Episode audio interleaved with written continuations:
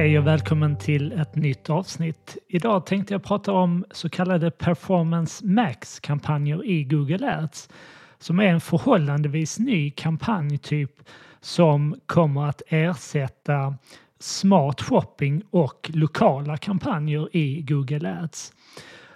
Och från och med nu så kommer annonsörer successivt att kunna ersätta sina smart shopping och sina lokala kampanjer med Performance Max-kampanjer.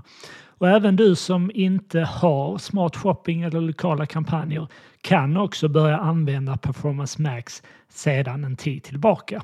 Så jag tänker i det här avsnittet prata lite om vad Performance Max är och när det kan lämpa sig bra att använda den här kampanjtypen.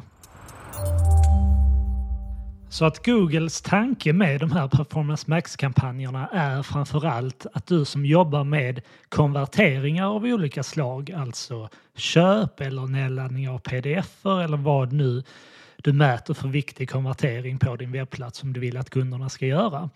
Det är att du ska kunna köra dina Performance Max-kampanjer som ett komplement till framförallt dina sökordskampanjer. Och en Performance Max-kampanj kommer att nyttja hela Googles annonsnätverk.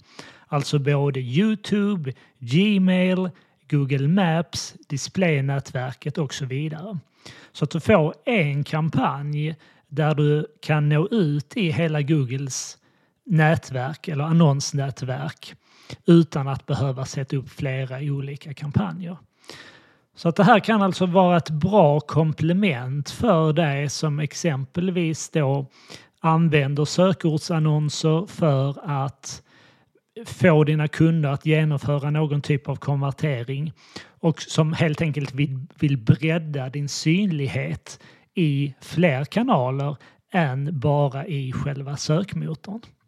Så det som händer när du sätter upp en Performance Max-kampanj det är att du berättar för Google vilken konvertering som är viktig för dig. För en e-handlare är detta troligtvis ett köp.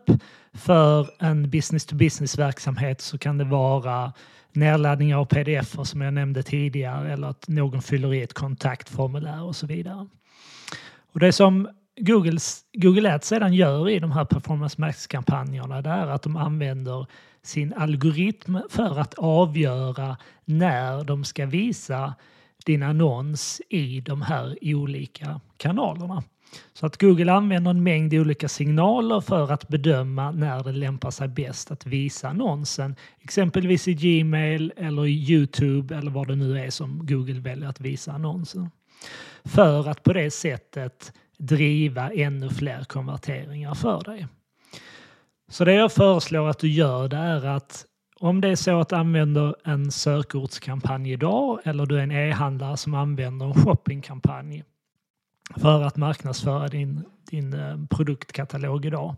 Så testa att sätta upp en Performance Max-kampanj vid sidan om de här kampanjerna och följ noga upp resultatet. Framförallt såklart titta på om Performance Max-kampanjen genererar konverteringar och säkerställ att den genererar konverteringar till en så bra return on ad spend som möjligt. Du kan också sätta in ett ROAS-mål på den här kampanjen.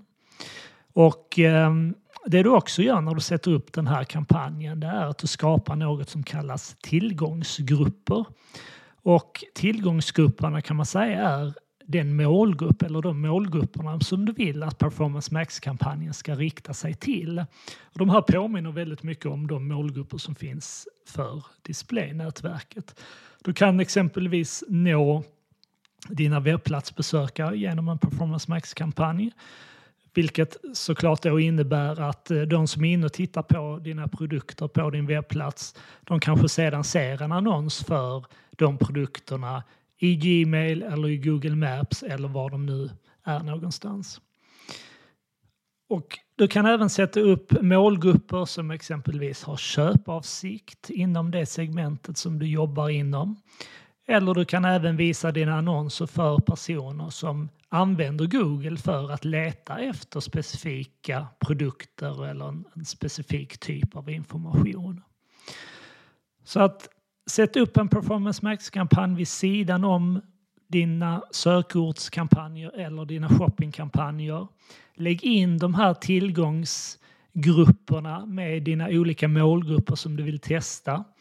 Och eh, Eh, tillhandahåll också Google så mycket annonsmaterial som du kan för att dina annonser ska se bra ut i, eh, i displaynätverket framför allt.